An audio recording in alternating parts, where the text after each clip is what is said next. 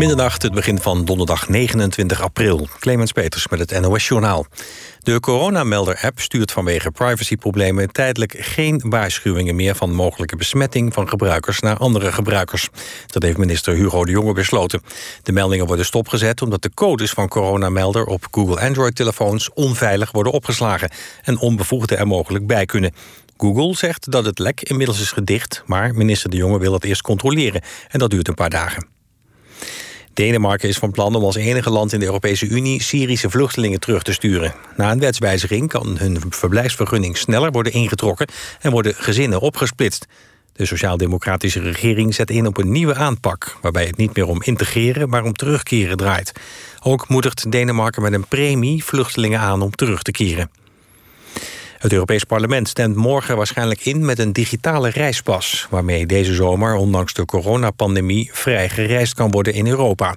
Met de pas kunnen reizigers aantonen dat ze zijn gevaccineerd... negatief zijn getest of recent besmet zijn geweest... en dus resistent zijn. De Europese Commissie en de lidstaten moeten er ook nog mee akkoord gaan. En de pas zou dan vanaf juli gebruikt kunnen worden. Grote steden zijn tevreden over de eerste dag van versoepelingen. Terrassen mochten van 12 uur s middags tot 6 uur vanavond open... en winkelen kon weer zonder afspraak. De terrassen in Utrecht zaten goed vol, maar nergens was het te druk. In de Kalverstraat in Amsterdam was het wel druk bij kledingzaken... maar toch noemt winkeliersorganisatie In Retail... het algemene beeld van de dag erg positief. In de tweede halve finale van de Champions League heeft Manchester City in Parijs met 2-1 gewonnen van Paris Saint-Germain. Bij de rust stonden de Parijzenaren nog met 1-0 voor.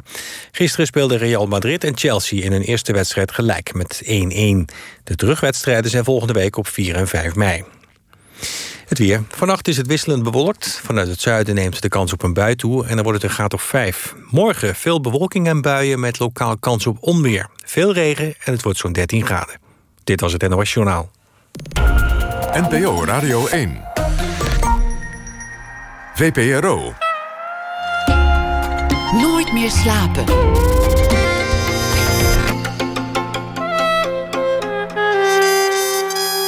Met Pieter van der Wielen. Goedenacht en welkom bij Nooit meer slapen. Ze noemde het zelf een emotioneel belastende opdracht. En dat is ook wel te begrijpen. Historicus en terrorisme-expert Beatrice de Graaf is hier.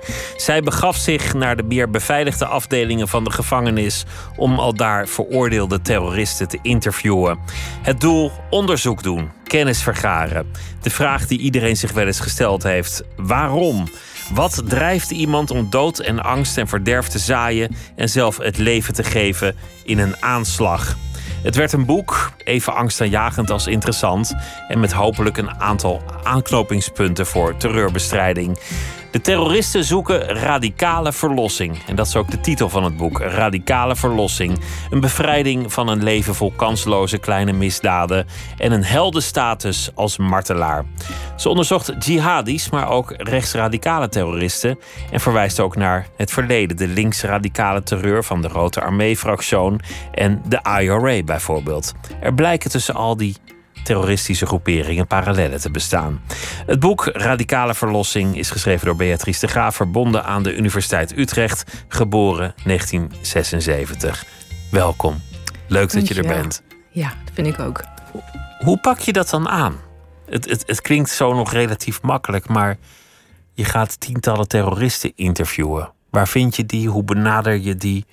Hoe krijg je toegang? Hoe werkt zoiets? Nou, het is voor mijzelf ook wel de uitkomst van een heel lang proces geweest. Ik ben uh, eigenlijk al vanaf 2001, 2002 met dit thema bezig. En heb eigenlijk heel veel altijd geschreven over de kant van de veiligheidsdiensten, de veiligheidsinstanties, de geheime diensten, uh, terrorismebestrijdingsinstanties. En had altijd al wel het gevoel gedurende die, nou ja, inmiddels bijna twintig jaar... ik moet toch ook uh, die terroristen dichter op de huid komen. En dat heb ik gedaan door bijvoorbeeld eerst ook mensen te interviewen... die terrorist zijn geweest in de jaren zeventig. Dus bewegingen die over zijn gewaaid. Zoals de, de Molukse beweging bijvoorbeeld. Ja, uh, ex-Molukse uh, strijders, voormalige Rota-Mee-fractiestrijders. Ik ben naar Italië geweest, Brigade Rosse, werd er underground leden. Maar dat is natuurlijk allemaal alweer lang geleden. En dat was ook een eigen tijdvak. En eh, toen dacht ik, nou, dan moet ik toch eigenlijk ook in het hier en nu. Hè, wordt geschiedenis geschreven door mensen die nu in detentie zitten. En die moet ik het eigenlijk ook zelf gaan vragen.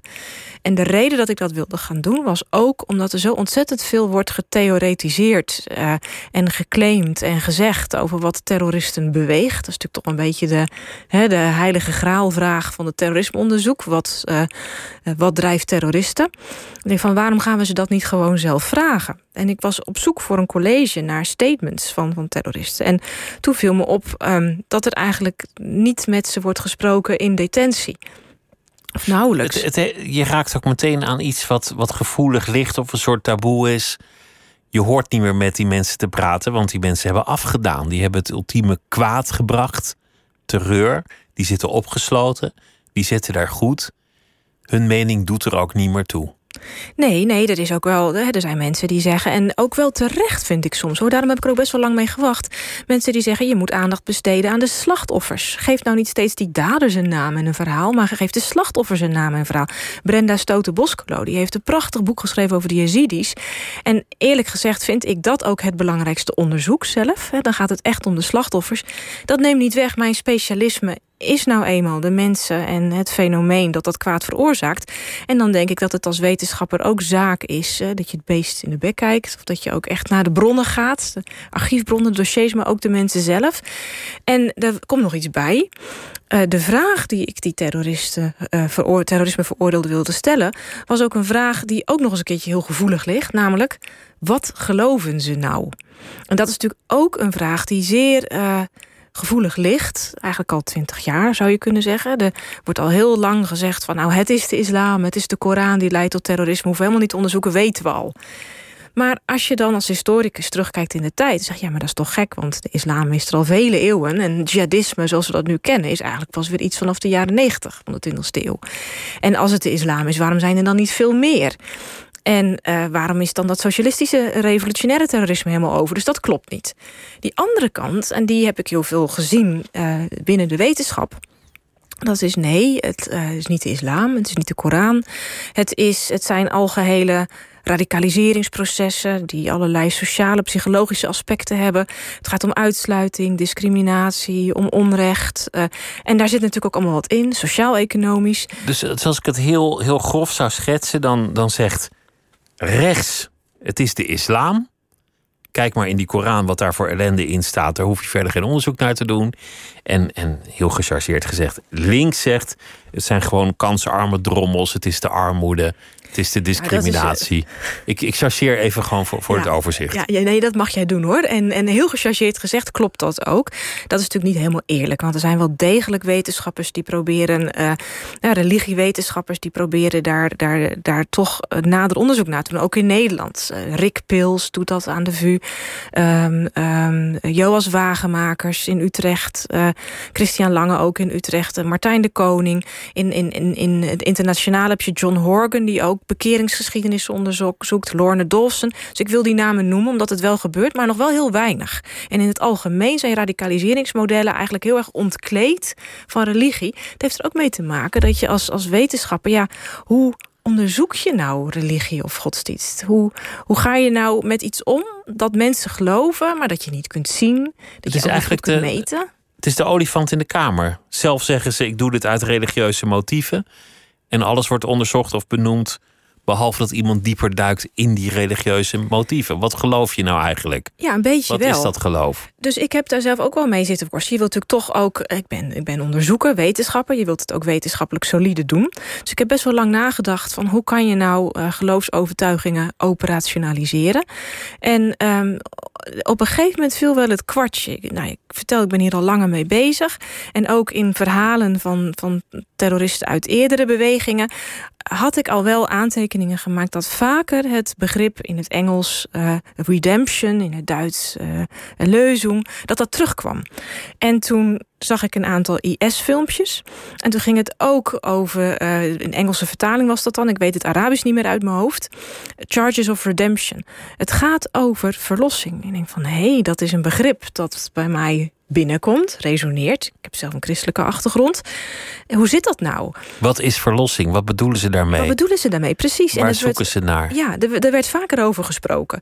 En, uh, en over punten verdienen werd ook over gesproken. Door, door jihadisten, maar ook door rechtsextremisten. En uh, toen kwam ik op het werk van een Amerikaanse godsdienstpsycholoog terecht, Dan McAdams. En die heeft een boek geschreven, The Redemptive Self. En die heeft eigenlijk, de klinisch psycholoog, die heeft echt een model ontwikkeld om te testen hoe mensen aankijken vanuit het geloof tegen het idee van verlossing. En toen had ik eigenlijk een soort wetenschappelijke aanknopingspunt. Ik ben zelf geen sociaal psycholoog of klinisch psycholoog. En uh, je moet daar toch wel ja, iets aan ontlenen als je dat ook echt goed wil doen, wetenschappelijk. En toen heb ik zijn model gebruikt. Eigenlijk is het een heel simpel model. Life histories model. Dus je gaat naar mensen toe. En uh, je gaat hen proberen hun levensverhaal te laten vertellen aan jou. Soms ook, heb je ook meerdere keren voor nodig. Dat noteer je, gewoon heel chronologisch. Nou, dat kan ik als historicus. En tijdens het vertellen van dat levensverhaal stel jij vragen over transities en keerpunten in hun leven. En daar praten mensen ook over. Toen ik werkloos werd, toen uh, toen die man mij verliet, toen vielen mij de schellen van de ogen.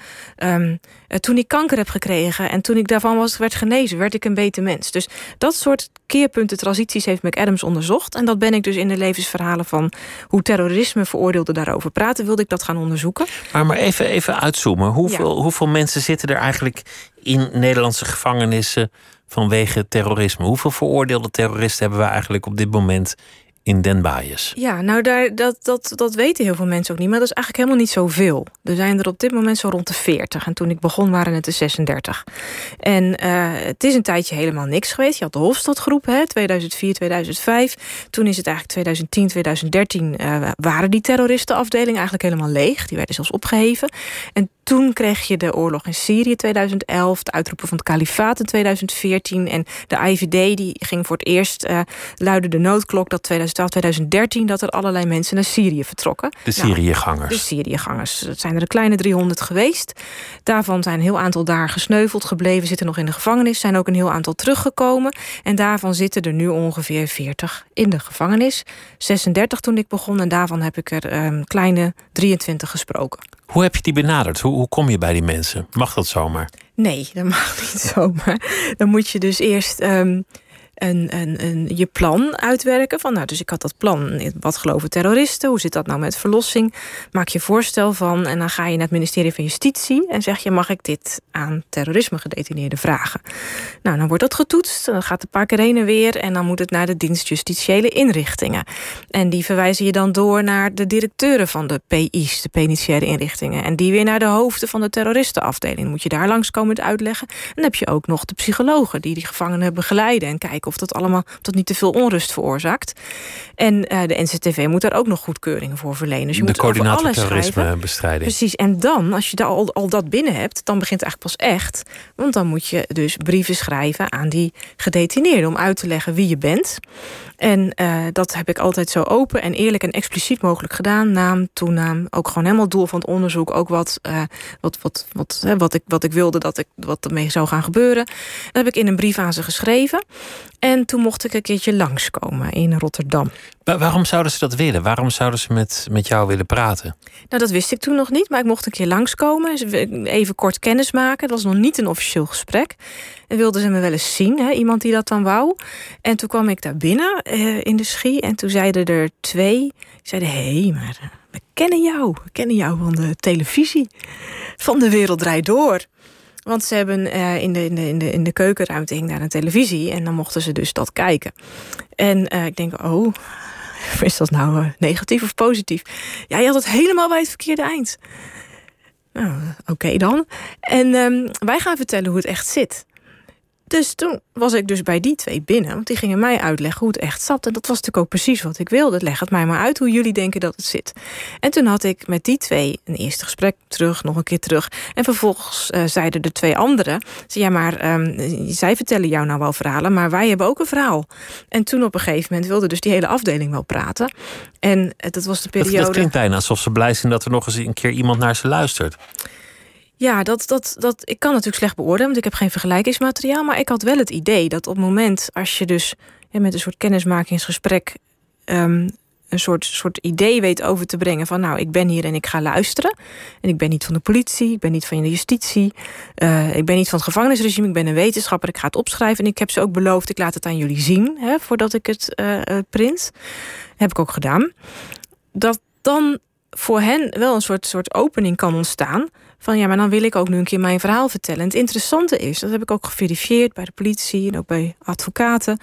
Ik had van, vanavond mijn boekpresentatie. En er was ook een hele goede strafrechtadvocaat, André Sebrechts. En die zei ook, ja, zegt hij, dat, dat hele verhaal van religie en overtuiging, daar raken wij ook liever niet zo aan. Want dat heeft eigenlijk ook in het strafrechtproces nauwelijks een plaats. Het, het zal je niet strafverkorting opleveren als jij precies uitlegt welke passage van de Koran je gebruikt nee, het is eigenlijk het is ook niet iets waar de rechter iets mee kan. Die wil weten, heeft iemand zich bij IS aangesloten of bij Jabhat al-Nusra? Heeft hij munitie in zijn kelder? Wat heeft hij? Dus je kijkt naar zeg maar, strafbare handelingen. Maar wat daar de, de verklaring of de reden of de motieven, dat, dat interesseert dan eigenlijk niet echt. Dus je merkt dat dat misschien nog wel bij het begin in verhoren uh, een rol heeft gespeeld, maar daarna niet meer. En um, nu konden ze dus eindelijk dat verhaal helemaal gaan vertellen. Vond je het, vond je het zwaar om te doen. Want je zit daar toch met mensen die. Nou ja, sommigen hebben een poging gedaan. Ik weet, ik weet niet hoe ver die mensen gekomen zijn. Maar het gaat uiteindelijk over het zaaien van dood en angst.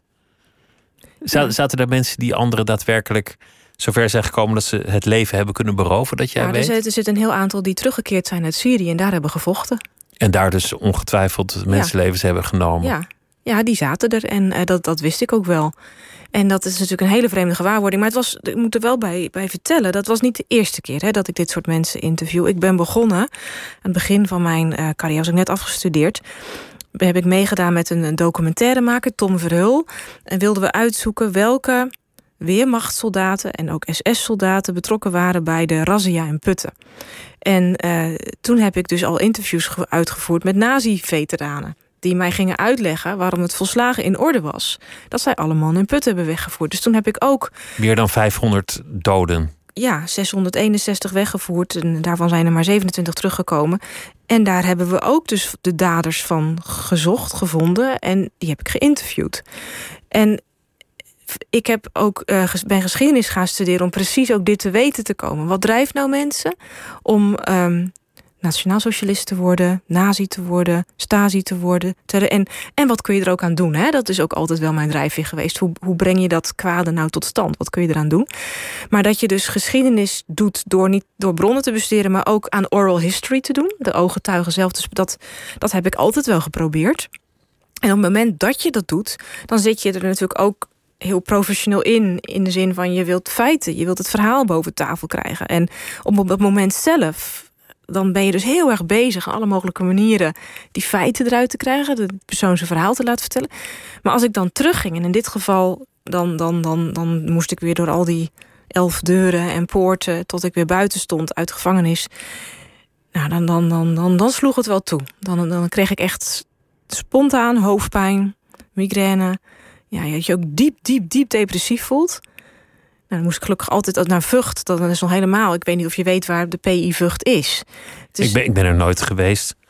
of ik zou kunnen zeggen, ik reed niet zelf, maar dat is een grapje. Nee, ik ben er nooit geweest. Nee, uh, nou, dat is, uh, dan moet je naar de bos met de trein. Dan neem ik OV-fietsje en dan fiets je over de dijken. En dan, dan door, dat, dat prachtige bosgebied. Maar dan kom je, daal je af en dan kom je door het, concentratiekampterrein van voormalig concentratiekamp Vught. Dus er staat er een bordje, executieplaats, uh, barakken. En dan kom je bij die ijzeren poort van die gevangenis. Vond ik aan de ene kant heel passend. Aan de andere kant, ja, dat verhoogde natuurlijk de bedrukte sfeer alleen nog maar. Dus het was, het kostte echt onwijs veel energie. Het zijn natuurlijk ook gruwelijke verhalen. Niet zozeer de verhalen van de terroristen zelf, maar hetgeen ze aanrichten of willen aanrichten. Gewoon, gewoon, gewoon wat die hele beweging beoogt en soms ook in slaagt te doen. Ja, nee, dat was ook zo. De totale verachting van het leven. Ja, ik moet er wel bij zeggen, bij elk, uh, elk gesprek uh, kreeg ik ook weer een ander verhaal te horen. Zaten mensen er ook anders in? Hadden ze ook een andere rol gespeeld? Want uh, er waren er acht die zijn teruggekeerd. Maar de overige die, uh, zijn er niet in geslaagd het kalifaat te bereiken. Dus die hebben niet gevochten. En dus waren er ook een aantal. Er zijn natuurlijk de laatste tien jaar heel veel wetten aangenomen die het mogelijk maken om iemand als terrorist te veroordelen. Als hij of zij een ISIS-vlag aan de muur heeft, uh, filmpjes heeft verspreid uh, en, en een aantal berichten heeft geleid. Daar kun je ook al straf voor krijgen. Als je dan ook nog munitie in je kelder hebt, nou, dan kun je zo drie, vier jaar krijgen. Um, dus dat betekent dat er ook mensen vastzitten die niet bloed hebben vergoten. Die, niet, die ook tegen mij zeggen: Ik ben helemaal geen terrorist. Waarom zit ik vast? Um, dus dat vind ik wel belangrijk om te zeggen. Het maakt wel verschil met wie je spreekt. Maar ik heb dus inderdaad ook mensen gesproken. En, en op een gegeven moment ook één, één serie gesprekken met een man, jonge man. Die eigenlijk, die gesprekken verliepen eigenlijk heel vloeiend. En die man die was ook heel joviaal. En die, die, die werd ook door, de, door het uh, personeel van de. Die vonden hem ook prettig. Hij was goed mee te werken. En op een gegeven moment ging hij mij uitleggen waarom het echt heel erg goed was dat de Jordaanse piloot in die kooi uh, verbrand was. En ik dacht, is ik hoor dat niet goed. En toen zei hij dat nog een keer. Nou, dan, dan werd ik helemaal misselijk.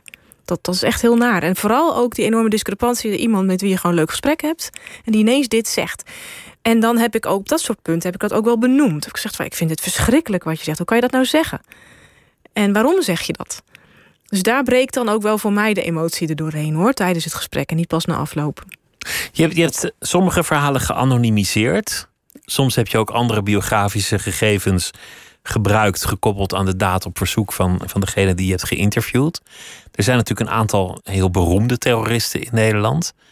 Daarvan weet ik dan niet of je die gesproken hebt. Nee, nou, en daar ben ik natuurlijk wel nieuwsgierig naar. Of bijvoorbeeld uh, Gukman, die in, in Utrecht de aanslag heeft gepleegd. Mohammed B., die nog steeds uh, vastzit voor de moord op Theo van Gogh. Nou, kijk, bij die twee kan ik het wel zeggen, want die zijn echt gewoon heel erg bekend. En dan heeft het ook niet zoveel zin meer om te pseudonymiseren. Um, die heb ik niet gesproken, maar ik uh, heb wel met ze geschreven. En uh, uh, wellicht komt dat er nog van.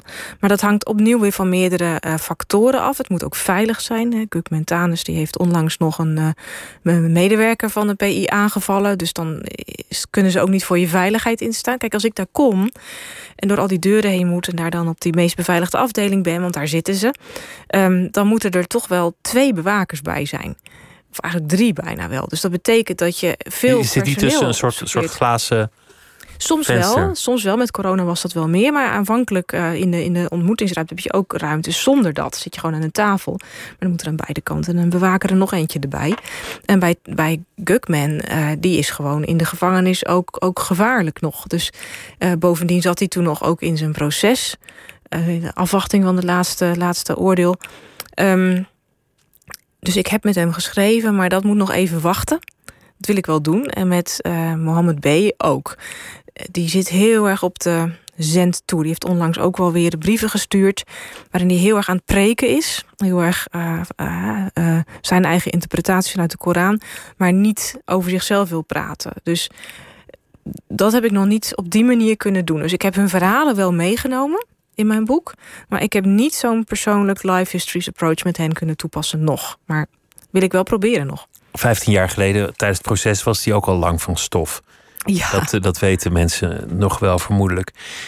In al die verhalen die je schetst, en dan niet alleen van, van de uh, radicaal-islamitische terroristen, maar ook, laat ik het noemen, de controlegroepen. De, de Rode Armee-fractie, de extreemrechtse terreurbeweging. Syrische milities. Uh, er zitten parallellen in. En in het zoeken naar die verlossing, kort samengevat zou je kunnen zeggen: een leven dat volledig dreigt te mislukken. Een, een leven vol drank, drugs, een, een leven met tegenslagen, kleine misdaad, soms wat grotere misdaad. Gevangenis in, gevangenis uit. Een carrière die niet van de grond is gekomen. En ineens komt er die gedachte: ik moet iets groots doen, ik moet naam maken, ik moet het roer omgooien en iets voor de goede zaak doen. Punten scoren. Ja, nou ja, ik wil daar nog, nog even een paar punten, kanttekeningen bij plaatsen. Kijk, het motief radicale verlossing komt niet bij iedereen in gelijke mate terug. Ook niet bij de ene beweging even sterk als bij de andere beweging. Uh, er wordt vaak gezegd in de terrorismewetenschap: het gaat in het Engels dan om de drie R'en: revenge, wraak, renown, roem en reaction. Uh, provoceren tot een reactie. En dat is wat terroristen drijft. Louise Richardson heeft dat boek geschreven, What Terrorists Want. En daar geeft het over deze drie R'en. Mijn boek is een poging daar een vierde R aan terug toe te voegen, Radical Redemption R verlossings-R. Maar daarmee niet te zeggen dat die andere drie er helemaal niet toe doen. Hè? Dus, dus als jij zegt, het zit, zit, eh, er zijn parallellen, het zit ook in andere wegen. Ja, maar niet altijd in even sterke mate. Dat vind ik wel belangrijk om die kanttekening te plaatsen. Maar als je dan kijkt bij leden van de Rotamee-fractie of de IRA... zie je dat dus bij sommigen wel degelijk heel erg terug. En ik haalde bijvoorbeeld het verhaal uit van Holger Mainz en Bobby Sens van de IRA. Holger Mainz was van de Rotamee-fractie, Bobby Sens van de IRA. Beide hadden het gevoel dat zij iets moesten doen voor hun gemeenschap. Uh, ook om, om, om zelf, ze kwamen uit een, in ieder geval Mainz uit een goed milieu. En voelde zich schuldig over. Mainz voelde zich ook schuldig over de Duitse oorlogsschuld. Trok hij zich persoonlijk heel erg aan. En uh, zij besloten allebei om in hongerstaking te gaan ook voor hun directe kameraden, dat die anders behandeld zouden worden in de gevangenis. Maar dat werd ook meteen ook breed in de media uitgemeten. Dus het idee was ook dat ze daar de sens voor de Ieren en Mainz voor dat was heel onduidelijk waarvoor wie eigenlijk. Voor de arbeidersklasse, de, de, de, de, de socialisten. Dat die daar een teken voor zetten. En het interessante is dat ze dus allebei zichzelf als een soort verlosser wilden geven, wilden uithongeren. Ze werden ook zo afgebeeld. Hè, dus Mainz werd echt helemaal uitgemergeld afgebeeld. Uh, maar die kreeg in de Duitse ogen bijna... die werd als een soort concentratiekamp gevangen gezien. En dat, gezien, en dat sprak de mensen niet zo aan. Sens werd afgeschilderd, Bobby Sens... als een soort leidende Christus. Met een, met een, met een um, rozenkrans tussen zijn vingers en een kruis. En martelaar. Een martelaar. En die ook die katholieke beeldtaal citeerde. En uh, elke week van zijn hongerstaking werd ook, werd ook geboekstaafd. Er kwamen, werden ook priesters bijgehaald. Die deden daar ook uitspraken over. Dus, dus met die katholieke achtergrond herkende de Ieren wat hij aan het doen was. Hij was als een soort leidende Christus voor zijn Ierse volk aan het sterven. En hij stierf ook. En toen werden er allerlei grote fresco's van die murals en Belfast op de muren geschilderd. En dat ging een eigen leven leiden. En dat, dat motiveerde jongeren om zich opnieuw bij de Ieren aan te sluiten. Dus daar functioneerde uh, Sens persoonlijke drive om zich te verlossen voor zijn volk, hè, voor de Ieren, dat functioneerde omdat dat volk dat aannam, dat accepteerde. Dus dat is wel een hele belangrijke. Het gaat dus om het persoonlijke tekort, maar ook om die aanname, die erkenning door een gemeenschap. En bij Minds functioneerde dat niet. Maar het, het doel wat je eigenlijk een klein beetje uit het model haalt, is dat het heel politiek is. Dat, dat terreur een heel concreet politiek doel heeft. Ja, maar dat is dus- ook wel eens genoemd hè, dat van eh, de aanslag op Atocha in, in Madrid. We doen nu een aanslag, dan zal Spanje wel weggaan uit Irak. Gewoon een heel concreet mhm, mhm. politiek doel. Jij zoekt het meer in het gelovige, het religieuze en in het persoonlijke. Nou, het een sluit het ander niet uit. Hè. Het hangt een beetje af van het niveau van analyse. Dus het politieke doel dat zit op het niveau van de groep. Dus wat wil Hamas, wat wil Hezbollah, wat wil de FARC? Dat zijn de uh, leiders, maar niet de pionnen. Uh, precies, dus wat wil de groep en de leiding van de groep? Wat wil IS als kalifaat, als geheel? Maar als je nou kijkt naar het voetvolk, naar de leden... waarom die zich daarbij aansluiten, dat is lang niet altijd politiek. Dat gaat niet altijd om roem of wraak of om een politieke reactie. Dat gaat dus ook heel vaak om die radical redemption. En daar speelt trouwens ook de organisatie wel weer op in. Als we nu naar IS kijken, dan zie je dat die... en daarom speelt dat wel heel sterk bij de jihadisten anno nu... omdat IS heeft dat radical redemption echt in de markt gezet. Die heeft daar propaganda mee bedreven. Dus die heeft gezegd van... kom hier, vechten tegen Assad. Kom hier, wij in het Midden-Oosten zullen alle omringende volken lesje leren. Hier heb je een staat politiek. Maar IS zei ook van uh, wij zijn degene die mensen met de meest slechte levens, de worst past, dus, uh, die, die, die een zondig leven hebben geleid, die hebben uh, ge, ge, gehoerd en gesnoven, die mogen naar ons toekomen.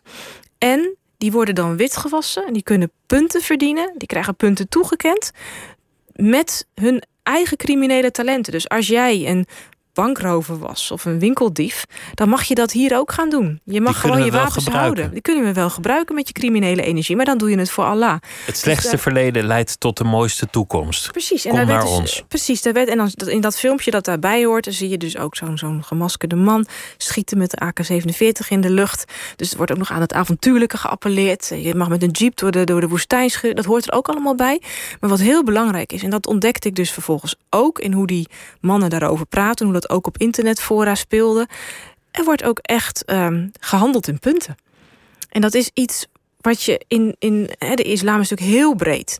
En je ziet in de brede islam, zie je ook nu tijdens de Ramadan, als je op Twitter het woord hazanaat ingeeft, dan zie je dat dat een praktijk is die herkenbaar is in de islam, in de brede. Die is verder ook helemaal niet gevaarlijk of radicaal. Maar die gaat erover dat je dus punten moet verdienen om later in de hemel in een goed boekje te komen staan.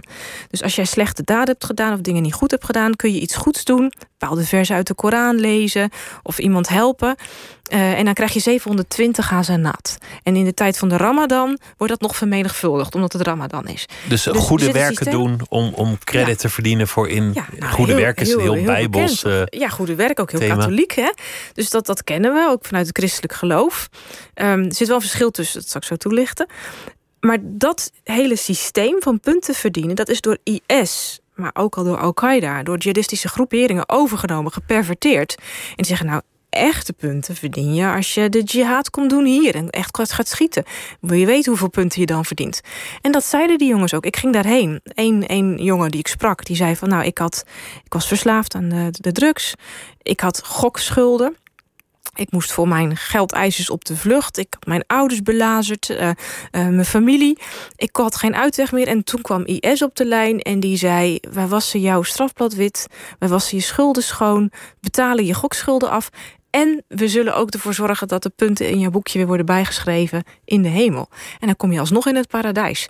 Dus die dat gaan doen. Hij zei van ja, dat was mijn enige uitweg. Ik had die punten nodig. Maar daar volgen een paar interessante dingen uit. Eén, dat het, dat het niet de meest gelovige, vrome jongens zijn in eerste aanleg. Het zijn late bekeerlingen. Het zijn niet, niet jongens die al heel, heel geregeld naar de, naar de moskee gingen. Het, het waren, je zei, jongens die hoeren en snoeren. Ja, um, er waren er ook één, twee die dat wel deden. Hè? Dus ook daarvan moet je weer uitkijken dat je er een soort, soort eenvormig profiel van maakt. Dat het een soort wet wordt? Ja, maar uh, inderdaad, bij de meeste God dat ze geen Arabisch konden. Dat ze al helemaal niet de Koran uit hun hoofd leerden. En wat er dan vaak wordt gezegd, hè, ook door terrorismewetenschappers, die zeggen: zie je wel, dat geloof was helemaal niet serieus. Ze namen de Koran voor dummies mee in een backpack. Voor mij is dat juist het teken. Ze namen het bloed serieus, uh, omdat ze inmiddels al de praktijk omarmd, maar het dogma nog niet kenden. En dat is ook wel een, een punt dat ik heel erg maak in dit boek. Geloven, uh, religie bedrijven, dat is uh, niet alleen dat je de catechismus uit je hoofd kent, of dat je de Bijbel of de Koran leest, of, of per se naar de kerk of de moskee gaat. Dat zijn ook, kunnen ook allerlei andere praktijken zijn. Ja, dat, dat, kennen we misschien als protestantse Nederlander minder goed, maar katholieken zullen dat beamen. Een kaarsje branden, een kruisje slaan. Uh, dat, dat, dat kunnen ook rituelen, symbolen, handelingen zijn die wel degelijk ook een religieuze lading nog hebben. Dus ze beschouwden zichzelf altijd al als moslim. Ja. Maar hadden dan nog iets in te halen. Maar hadden behoorlijk iets in te halen, iets goed te maken. En nou werd er hier dus een soort praktijk aangereikt. En ik noem dat in mijn boek een orthopraxis, een zuivere praktijk. En je ziet ook dat ze elkaar daar ook op aanspreken. Van, hé, hey, wat moet ik doen om een zuivere moslim te worden? Nou, dan, dan nemen ze geen genoegen van... nou, dan moet je eerst maar eens gewoon de Koran uit je hoofd gaan leren. Nee, ze willen meteen een shortcut naar het aflossen van die schuld... naar die radicale verlossing. Dat vinden ze in het uitreizen naar Syrië. Het gaan vechten tegen Assad. Want dan krijg je meteen al die punten erbij. Hoef je niet al die, al die moeilijke dingen eerst te doen... al die dingen te lezen, Arabisch te... Je gaat daar gewoon heen en je gaat vechten en dat is geloven. Dat is een geloofspraktijk, een heilige praktijk. En dat zijn we denk ik in ons zeer intellectuele, rationele Westen misschien wel een beetje verleerd. Geloof is ook iets dat je doet. Dat is niet altijd iets wat je begrijpt. Dat is niet altijd iets wat je leest. Je kunt het ook gewoon doen. Het is een abstractie in zekere zin die je tot praktijk maakt. Nou, die praktijken zijn dan dus weer heel concreet. Hè? Dus die punten, die hazenaat, die zijn heel concreet. En die maken het dan ook bijna weer heel makkelijk om het iets heel klein te maken. Van ga daarheen, je krijgt 3000 punten. Waar worden ze bekeerd? Want je zei IS die komt op hun pad, die komt in het vizier. Hoe gebeurt dat? Waar gebeurt dat? Ja, ook dat. Eh, dat is niet altijd helemaal duidelijk. Hè? Want je, je probeert het vanuit hun verhaal te destilleren. Je weet natuurlijk nooit helemaal zeker of het zo is gegaan... en of ze er niet mooiere verhalen van maken. Dat heb je ook wel heilige verhalen in de christelijke traditie. Moet je ook maar aannemen dat dat is zoals de mensen zeggen. Maar wat ik wel heb geprobeerd is zoveel mogelijk ook andere bronnen eromheen. Hè? Dus, dus familieleden spreken, dossiers bekijken. Dus ik heb het wel gecheckt wat ze zeiden. Maar dan die bekeringsverhalen. Uh, van een heel aantal is toch wel gebleken... dat ze dus inderdaad een klein strafblad gehad hadden, kleine vergrijpen. En uh, zelf al het gevoel hadden we lopen vast. Ik beschrijf ook het verhaal van een aantal jongeren uit Delft. Die met elkaar rondhingen uh, bij een pleintje. Noemden ze de Paradijspoortjongeren. Maar dat kwam omdat de Paradijspoort een Delftse koopgoot is. Dat is een hele toevallige oh, benaming. Nee. Echt naar het hiernamaals. Nou ja, dat is uiteindelijk wel gebeurd. Maar dat was, daar komt die naam niet vandaan. Maar het is al een hele bijna poëtische naam. Die jongeren die uh, raakte op het slechte pad. Die ging een bank overvallen. En op een gegeven moment tijdens zo'n overval... in dit geval op de... Uh, niet een bank, sorry, op een supermarkt, op de Aldi. En tijdens de super, overval op de supermarkt op de Aldi... viel er een van het trapje en brak zijn nek en was dood. En, dat was, en toen kwamen die anderen, die werden opgepakt... werden later ook weer vrijgelaten... en die waren daar zo door gegrepen van... waar zijn wij mee bezig? Waar zijn, we, we, plegen een overval op de Aldi... en vallen van het trapje en, en, en Mo breekt zijn nek als we dan al doodgaan, dan willen we sterven voor een hoger doel. En dat was precies ook het moment, 2014, dat IS het kalifaat uitriep, dat er van alles aan de hand was in Syrië. En toen kregen ze dus via internet, en de meeste verhalen, bijna alle jongens die ik sprak, alle mannen die ik sprak, zijn via internet toch op filmpjes en dat aanbod van radicale verlossing gestuurd. Dus dachten nou dan gaan we, dan gaan we gewoon ons leven maar wagen voor iets wat echt groots is. Dus from zero, from zero to hero, hè, wordt wel gezegd. Dus die bekeringsgeschiedenis is een bekeringsgeschiedenis, maar het is ook een manier om je eigen loserleventje, want zo, zo beschreven ze zichzelf. Dat, dat kwam ook terug in die verhalen van al die mannen die ik sprak, zagen zichzelf als loser. Niet mijn woorden. Um, en ze zochten een uitweg en hadden ongeduld, haast. En dan komt er zo'n aanbod voorbij, wat, wat jou supercharge. Dus je komt eigenlijk van één keer van je saaie leventje als vakkenvuller of in de retailhandel, kom je ineens op het moment dat je een engel der wraken mag worden. Dat je mee mag vechten in de laatste strijd. In die, in die zin is het ook een soort narcistische daad. Een daad van het ego. Een het is heel individualistisch. Een nagenoeg mislukt leven kan ineens glans krijgen, kan betekenis krijgen. Je zult onthouden worden. Ze zullen wel weten wie jij was. Ja, maar er zat ook, eh, het klinkt heel gek en dat vind ik ook altijd eng om uit te spreken, want dan gaan mensen weer overheen vallen. Er zat ook bij heel aantal minder dat narcisme bij, maar een vorm van altruïsme. Dus er waren ook een aantal jongens die zeiden, ook één verhaal vond ik zelf heel uh, uh, heftig. een jongen die werkte met kinderen op een, uh, een, een, sociaal werker. En die zei van ik zag voortdurend beelden op internet van kinderen die werden doodgeschoten, die werden gemarteld, die werden vermoord in Syrië. Dat was ook zo. Die beelden zagen we ook hè, tussen 2011 en, en 17. En ik werkte hier met kinderen. Die kinderen daar waren even oud. En ik moest iets doen. Nou, deze jongen raakte ook vastgelopen op meerdere fronten. Verloor ook bijna zijn baan, dat hij, dat hij verslaafd was. En toen zei hij, toen kreeg ik het aanbod... ga voor de kinderen daar bij Assad iets doen. Dus het is en misschien hè, egoïstisch, narcistisch... Uh, from zero to hero. Maar er zit ook dat altruïsme bij... dat ze echt het idee hadden misplaatst, maar ik kan daar ook het verschil maken. Ik kan Iets daar kinderen gaan redden. En dat verhaal, de een sprak meer over wreken, de andere sprak meer over redden, maar dat verhaal zit er ook bij. Voor wie het inschakelt, Beatrice de Graaf is hier. Ze heeft onderzoek gedaan door te spreken, onder meer met uh, veroordeelde terroristen, op zoek naar de beweegredenen in de hoop het te begrijpen en daarmee misschien ook zelfs te voorkomen terreur om terreur te bestrijden. En dat is een boek geworden, Radicale Verlossing. Als je het wil bestrijden, ja, voorkomen dat iemand mislukt in zijn leven lijkt me onmogelijk. Mensen zullen mislukken in hun leven. Een andere samenleving lijkt me iets voor de lange termijn. Misschien wel de hele lange termijn. Het ego afschaffen. Ja, weet je, zo kan je, zo kan je doorgaan. Iets concreter is natuurlijk dat, dat werven op internet. Daar zou iets aan, aan te doen moeten kunnen zijn, technologisch. Maar het gaat over die punten. De peer group die de punten uitreikt. Precies. De applausmachine. Precies. Dat is interessant. Wie is die applausmachine? Wat kan je daaraan doen? Ja, ja, het begint ermee dat je dat dus erkent, hè? dat dat een rol speelt, die applausmachine. En dat je ook begrijpt hoe dat dan een rol speelt, met dat punten toekennen. En waarom die punten zo belangrijk zijn. Omdat je daarmee dus wordt vrijgekocht, die erkenning krijgt, jouw schuld wit was, niet meer een loser bent en, en ertoe doet, betekenis krijgt. Niet alleen voor je eigen leven, maar ook voor de gemeenschap die je dan daarmee wilt zuiveren of redden. En dat kan dus de OEMA zijn, dat kan ook de, de, de, voor rechtsextremisten de volksgemeenschap zijn. De zuivere volksgemeenschap die moet worden gered, bevrijd van moslims, buitenlanders, noem maar op. Daar speelt het ook mee. Um, en, en die cyclus van het verlangen naar radicale verlossing, van tekort, via dat aanbod, het verdienen van punten, overgave strijd. Dat is heel belangrijk te onderkennen. En dat heeft nog te weinig een plaats, bijvoorbeeld in politieverhoren. Of ook bijvoorbeeld in de manier waarop er in de gevangenis met gedetineerden wordt omgegaan.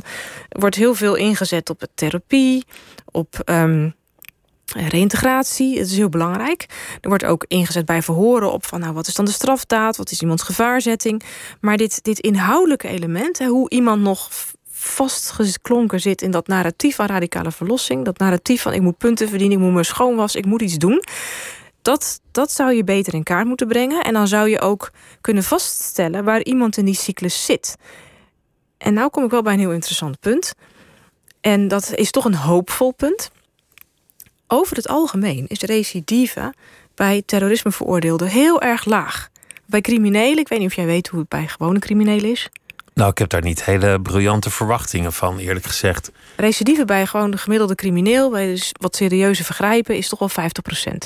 Dus gewoon bijna de helft gaat gewoon weer in de fout bij terrorisme veroordeelden. En dat is wereldwijd onderzocht. Dus dat is niet iets wat ik nu per se heb onderzocht. Hoewel het ook klopt bij mijn bevindingen. Het is in Amerika en Indonesië, dus ook echt met landen met grote populaties. Toch tussen de 3 en 5 procent. Dat is altijd nog te veel, hè? want één recidivist heeft natuurlijk super impact. Maar het is interessant om vast te stellen dat die recidive zo laag is... en te begrijpen waarom die zo laag is. En dat komt omdat de meeste terroristen op een gegeven moment... Uh, die cyclus doorlopen van radicale verlossing... en zichzelf realiseren. Dus het deradicaliseren in feite dan zichzelf. Nou, misschien niet deradicaliseren, maar disengagen. En ze komen zelf tot de conclusie, het werkt niet het werkt niet. Die oorlog in Syrië, dat zet geen zoden aan de dijk. De meesten zijn er teruggekomen. Ze zien dat het een valse belofte was. Het was een valse belofte. Het geeft mij niet die voldoening. Nou, daar kan je natuurlijk van alles van vinden. Maar ze lopen dus zelf die cyclus door. En het is zaak vast te stellen waar ze zijn. Is iemand al die cyclus doorgelopen? En dan is er dus een cognitieve opening. Op het moment dat iemand van die dat noemt hij Dan McAdams, die psycholoog, heeft het ook onderzocht. Die zegt, je hebt de sequence of redemption... maar dat kan ook omslaan in de sequence of contamination. Een, een, een ja, bederf, teleurstelling. Het, bederf van het hoogste is het slechtste. En op het moment dat dat inzet, die contaminatie... mensen gaan twijfelen, denken, ik krijg die verlossing niet... ik voel die voldoening niet, hoezo laat mijn gemeenschap mij in de steek? Dat is een cognitieve opening. En dan kun je iemand terughalen en reïntegreren... en kun je zijn gevaar wegnemen. En dat is ook eigenlijk wel hoe het werkt... En, en daar zou je dus meer aanknopingspunten bij kunnen vinden. Dus je zou kunnen vaststellen in een gesprek, als je langdurig met iemand praat, waar zit deze persoon? Er waren dus twee van de 23 die die cyclus nog niet hadden doorlopen, die echt nog van mening waren. De een vond dat hij nog meer punten moest verdienen, en de ander vond dat die verlossing heel goed was gegaan en dat hij het zo nog een keer zou doen. Nou, die moet je dan voorlopig even niet, uh, niet vrijlaten. Ja, lijkt me. Precies. Je, je zei eerder in het gesprek dat, dat je eigen christelijke achtergrond ook een motief is om dit soort onderzoek te doen. Omdat je interesse hebt in het fenomeen geloven. Wat, wat voor rol speelt dat? Wat, wat maakt het uit voor de onderzoeker of je zelf al dan niet gelovig bent? Nou, in principe moet het niet uitmaken. elke onderzoeker moet in principe alles kunnen onderzoeken als hij de juiste methodologieën toepast. En zichzelf ook rekenschap aflegt van zijn, dat noemen we dan in de wetenschap, zijn positionality, zijn, waar die staat. Dus dat, dat leerden wij ook de geschiedenisstudenten, de eerstejaars. Van ja, jij moet je kunnen verplaatsen in de middeleeuwen, in Napoleon. Uh, in de Tweede Wereldoorlog. Daar moet je onderzoek naar kunnen doen. Nou, dat zijn ook andere tijden, andere mensen, andere plaatsen... met volledig andere voorstellingen. Daar moet je ook iets van kunnen vinden. En, nou, en hoe doe je dat dan? Nou, dat doe je door zoveel mogelijk bronnen uit die tijd te lezen. Levensgeschiedenissen. Eh, door je te proberen te realiseren wat het, wat het, het, het raamwerk, wat de, cultuur, de cultuurachtergrond in die tijd was. Dus als je dat als historicus kunt, dan zou je dus dat procedé ook kunnen toepassen op het heden. En je ook moeten kunnen verplaatsen. Mensen die totaal anders zijn dan jij. Dus met andere woorden, een wetenschapper moet altijd proberen zijn onderzoeksobject zo dicht mogelijk te naderen. Maar neemt altijd zichzelf mee. En daar moet je dus heel erg eerlijk ook over zijn. Dus met studenten heb ik ook vaak het gesprek. Als ze bijvoorbeeld onderzoek doen naar terroristen. Um, Geloof jij dat mensen echt kwaadaardig kunnen zijn? Wat is jouw visie op de aard van de mens? Ben je een Rutger Bregman, die denkt de meeste mensen deugen?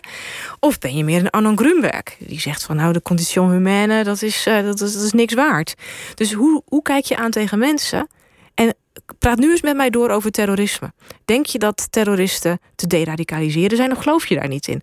Dus we nemen allemaal heel erg onze visie op de samenleving. Kun je een veilige samenleving creëren? Wil je dat creëren of niet? Of moeten we soms accepteren dat er iets gebeurt? Dus dat soort grote, bijna zingevingsachtige vragen neem je altijd mee als je zoiets als terrorisme bestudeert, wat toch ook op het scherp van de snede van goed en kwaad gaat. Nou, nu over mijn eigen positionaliteit, daar wil ik best iets over zeggen. Ja, ik ben religieus. En heb ook altijd gedacht dat de manier waarop naar jihadisten wordt gekeken, dat, dat, dat vond ik heel ongemakkelijk. Hè? Dus wat ik net al zei, aan de ene kant zeggen de mensen, ja, het is de Koran, het is de islam, die we zijn allemaal potentiële terroristen. Nou, dat, dat slaat nergens op, want de islam dat is zo breed, net dus, zoals het christendom zo breed. Een kwart van de wereldbevolking of zo, dus dat. Ja, dat is net als je mij als je de paus vergelijkt met, met de mensen, uh, uh, orthodoxe christenen die in Urk een teststraat aanvallen. Nou, dat, dat, zijn totaal verschillende werelden. Dat is, het christendom. Dus dus um, dat zegt nog niks. Maar ook het idee, wat we in het begin ook al zeiden, dat het helemaal niet een rol zou spelen. En dat het gewoon verzinsels zijn, posthokrechtvaardigingen, uh, rationaliseringen van mensen dat, dat wilde bij mij ook niet in. Want, want geloof is iets waar je mee doordrenkt bent als je dat doet. Dus... Maar, maar voelde je raakvlakken? Want, want jij bent doordrongen van het bestaan van een opperwezen en zij ook. Weliswaar een andere vormgegeven opperwezen, maar Misschien schept dat toch een soort band. Nou, het, het grappige was misschien nog wel meer vanuit hun perspectief. Nou, voor mij schept het dus in zoverre een soort, soort voorwaarde. Ik dacht van ja, ik neem ze serieus. En dat kan ik ook echt authentiek eerlijk zeggen. Want ik neem jullie geloof serieus. Ik weet dat geloof een autonome kracht in iemands leven is, is het ook voor mij. Dus dat het bij jullie ook zo speelt, dat neem ik serieus. Maar leg het me uit. Vertel het me. Waarom denk jij dat Allah wilde dat je naar Syrië ging? Want ik geloof, als jij dat zegt, geloof ik dat dat zo is. Nou, vervolgens kregen we dus een gesprek en gingen ze dat ook testen. Van nou, waarom ga jij dan naar de kerk en hoe kijk je daar dan tegenaan en bid je dan ook? En op een gegeven moment had ik ook een gesprek met twee uh, mannen en die vroegen mij ineens: geloof jij ook in engelen? Best een beetje provocerend. Nou, en toen heb ik gezegd van ja, daar geloof ik in, maar ik heb ze zelf nooit gezien. Maar ik geloof wel dat dat kan. Ik vind het heel ongemakkelijk, want ik ben een heel westers, rationeel denkend christen... die daar moeilijk mee om kan gaan, maar ik geloof dat het er is. Ah, dat geloof je echt? Ik zei ja. En als wij nou zeggen dat we engelen gezien hebben, geloof je dat dan? En nou, dus, dus ik zei nou, vertel, wat heb je dan gezien? En nou, en, en toen gingen ze vertellen over wonderen, engelen, visioenen. En, uh, en dat kwam ook vaker terug. Nou ja, en dat, dat vind ik wel nog steeds een soort mysterie. Ik denk, ja, is dat echt? Is dat niet echt? Het, het, het, het, doet er eigenlijk niet toe, want zij geloven daarin. En voor hen is dat een vingerwijzing geweest. Als je hun belevingswereld wil begrijpen, zul je dat voor waar moeten aannemen. Ja, en dat want doen ze zelf ook. belevingswereld is religieus. Ja, en ik had op een gegeven moment ook een, een, een heel leuk gesprek met de journalist. Die zei, ja, maar dat geloof je toch niet? Dat is toch niet echt zo? Ik zei, ja, maar dat, doet er dus eigenlijk niet toe. Dat, of ik dat nou geloof of niet, zij geloven dat. En ik neem dat wel serieus dat zij dat geloven. En uh, dat kun je natuurlijk ook nog neuropsychologisch allemaal gaan verklaren. Mensen kunnen zich van alles gaan inbeelden. Je kunt het religieus verklaren. Zeggen, ja, het is ook echt zo. Nou, dat, ik had vandaag ook nog weer echt een hele bijzondere um, ontmoeting. Ik had mijn boekpresentatie. En daar kwam ineens een man naartoe die ik ook heel vaak heb gesproken. En dat is de broer van een overleden Syriëganger. Dus een Syriëganger die zich dood heeft gevochten aan het front. En die broer, die, uh, nou, die, die, die heeft mij geholpen dat verhaal te construeren. En die broer vertelde van ja, uh, ik doe dit. Hij heeft het ook verteld op de boekpresentatie. Ik doe dit omdat ik uh, closure wil hè, voor mij en van mijn familie. mijn broer is gestorven, hij is dood en het verhaal is nu af en dat mag ook verteld worden. Ik zei, heb je dan ook echt die closure? Nee, zei hij, die heb ik niet. Want mijn broer is dood en ik weet niet of hij in de hemel is of in de hel. En er stonden dus twee studenten bij te kijken en die keek echt met zulke ogen. Huh? Wat zegt hij nou? Ja, zegt hij, daar worstel ik mee dag en nacht of mijn broer in de hemel is of in de hel. Ik van ja, dat is dus echt een, een, een jongen, een broer dus van die Syriëganger. Een jongen die het verschrikkelijk vond wat zijn broer heeft gedaan. Ook heeft alles heeft geprobeerd om hem terug te halen. Maar wacht op een teken. En wacht op een teken. En dat is dus echt, dat gelooft die man echt. In, in IS-gebied was het ook zo dat, dat allereerst kon je in de verkeerde hoek van de islam zitten, doodvonnis. Dan daaronder was je een christen, doodvonnis. Daaronder was je een atheïst, was een, een nog groter doodvonnis, dat vonden ze nog erger. Onderaan de, de Joden, want het antisemitisme in die kringen, dat, dat is echt zo ontvlambaar. Dat, Dat is met geen pen meer te beschrijven. Maar daar stond een, een christen toch al iets hoger op de totempaal dan, dan een atheïst. Is toch, is toch een wonderlijk fenomeen eigenlijk. Nou ja, het was uiteindelijk. Ik, ik, ik heb. Uiteindelijk moest iedereen dood hoor. Maar... Ja, vorige week heb ik een rapport gepresenteerd met een Amerikaanse collega over de ISIS-files. Uh, we hebben toegang gekregen tot documenten die achter zijn gelaten door ISIS. En daar hebben we een rapport over geschreven. Dus, dus niet dit boek, maar een ander rapport over hoe IS werkte. Hè, on the ground. En uh, nou ja, jij zegt, eh, er was een rangorde van mensen. Nou, iedereen werd daar dus door IS in dat eigen gebied geterroriseerd. En alleen hele zuivere Soenitische moslims... die zich volledig onderwierpen aan het, het, het, gezag van IS... die overleefden het dan, maar ook nog maar net. En die moesten dan ook echt uitkijken dat de baard... Ook niet altijd, want één misstap Precies, precies. Dus, dus die zijn. terreur keerde zich ook naar binnen. Je, je vertelde over de, de razzia in Putten. En dat, dat is de, de, plek waar jouw familie vandaan komt. En jij zelf ook. Dat is natuurlijk eigenlijk ook een, een soort geradicaliseerde beweging... maar dan met een soort formele status, omdat ze de regering heten te zijn in bezet gebied. Maar zoveel verschilden ze nou ook weer niet. De nazi's en, en de, de radicale terroristen. Althans in hun verheerlijking van geweld. Ja, maar het verschil zit hem wel, is dat het nationaal socialisme was een volledige bureaucratie. Dat was volledig verbureaucratiseerd en, en ook hè, geïndustrialiseerde vernietiging noemt Zbigniew Bouwman. Uh, heet hij ook, het is laat. Sigmund Bouwman noemt dat zo.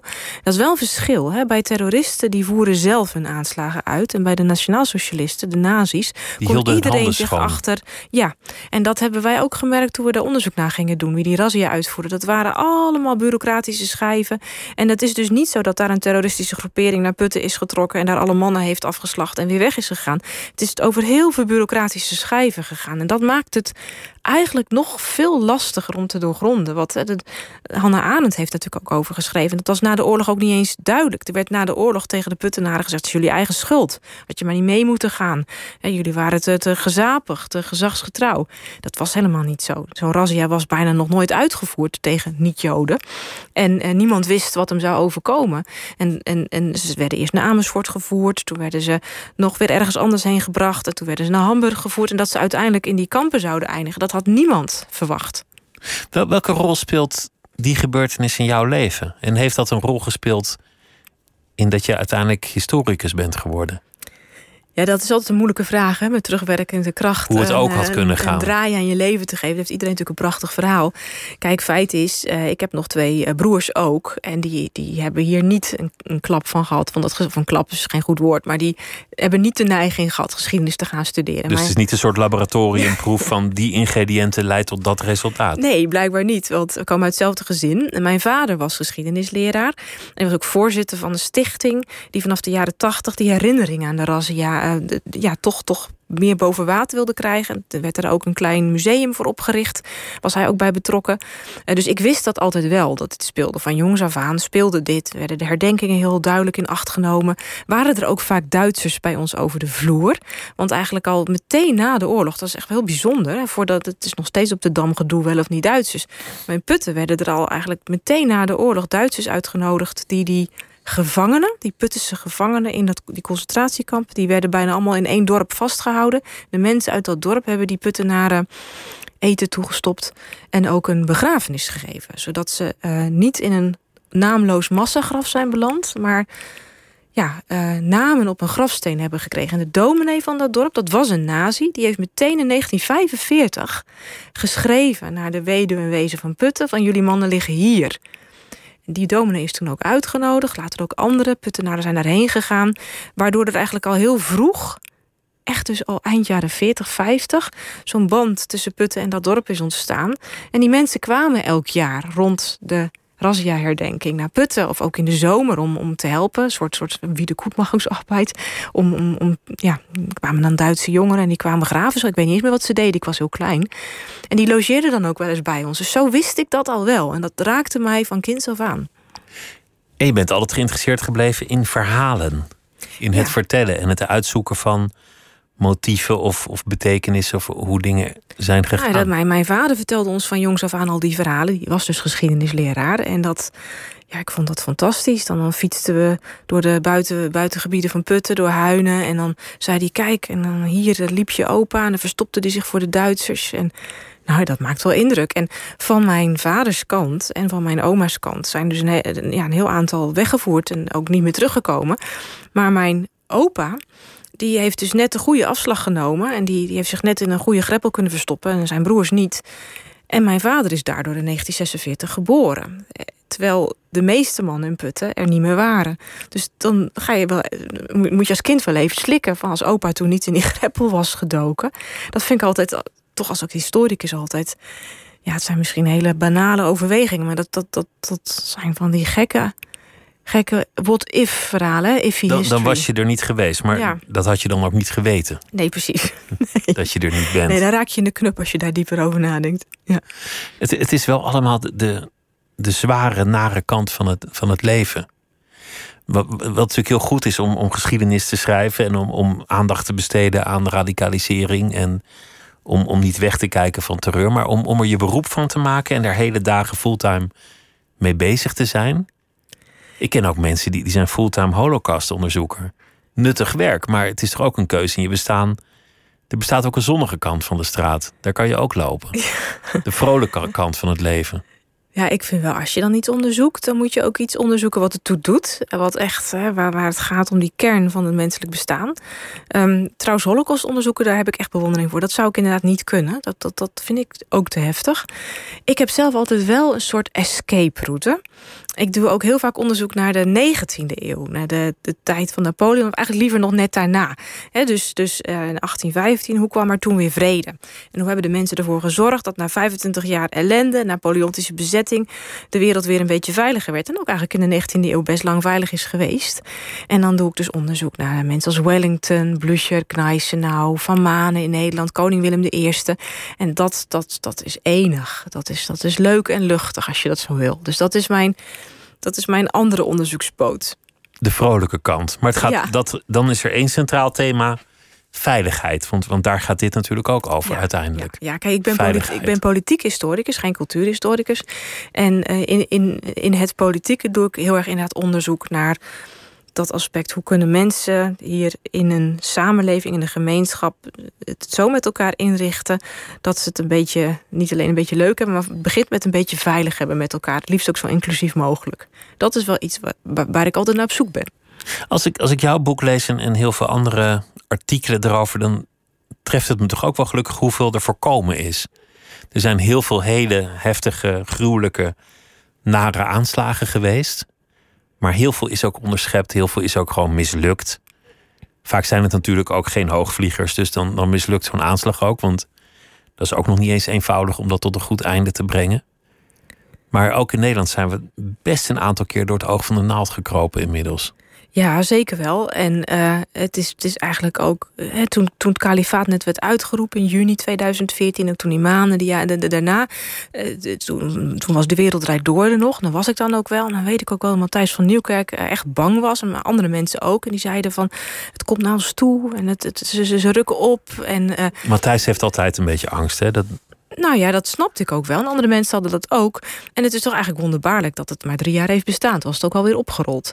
Dus het heeft een ontzettende hoop ellende achtergelaten. En iets kan drie jaar bestaan en nog jarenlang, decennia lang sporen en littekens trekken. En er zijn mensen gedood en die komen nooit meer terug. Dus ik wil het niet bagatelliseren, helemaal niet. Maar dat, dat apocalyptische, dat was het niet. En, uh, dus, dus het, en, en hoe kwam dat nou? Nou, het kalifaat is opgerold dankzij de verzamelde inzet van landen als Amerika, Egypte, Jordanië, Israël, maar ook Rusland. Met elkaar hebben die dat toch geklaard, dat klusje. En vervolgens ook hier hè, in Nederland, eh, je noemde het in het begin al de rol van internet en uh, internetrecrutering, zijn ontzettend veel um, mogelijkheden bijgekomen. Notice en takedown om websites uit de lucht te halen. Uh, toch verheerlijking van terrorisme, van geweld, de, zeg maar te, te, te, onmogelijk te maken. Dus dat, je loopt altijd achter de feiten aan, maar dat kan wel. En uiteindelijk zal zo'n ideaal ook overwaaien. Ja, Zoals veel terreurbewegingen uiteindelijk gewoon een stille dood sterven. Ja, ik zeg altijd, het komt en gaat in golven. Hè? Dus het, het zal ook weer terugkomen. Maar dan hangt het er ook heel erg vanaf hoe wij er met z'n allen mee omgaan. En of inderdaad ook de gemeenschap om, zo'n groep terroristen heen. In de jaren zeventig was dat de linkse gemeenschap. Uh, toen, nu, hè, jaren negentig tot nu, is dat de moslimgemeenschap. Maar ook nu met rechtsextremistische terroristen zal ook de laten we zeggen, meer gematigde radicaalrechtse gemeenschap zich daar ook van moeten distancieren. Zodat er niet nieuwe recruten en nieuwe aanwas groeit. De applausmachine moet, uh, moet het zwijgen ertoe doen. Beatrice de Graaf, dank je wel dat je te gast wilde zijn. En het uh, boek heet Radicale Verlossing. Dank je wel. Jij bedankt voor uh, deze aandacht. Het was Nooit meer slapen voor deze nacht. En morgen dan zijn we er weer. En dan is Maartje Wortel hier te gast. Goeienacht en graag weer tot morgen.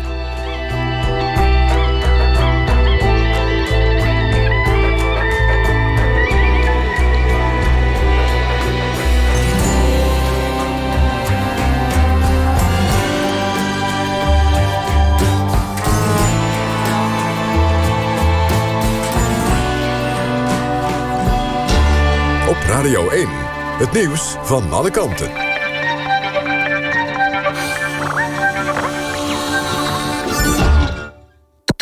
NPO Radio 1.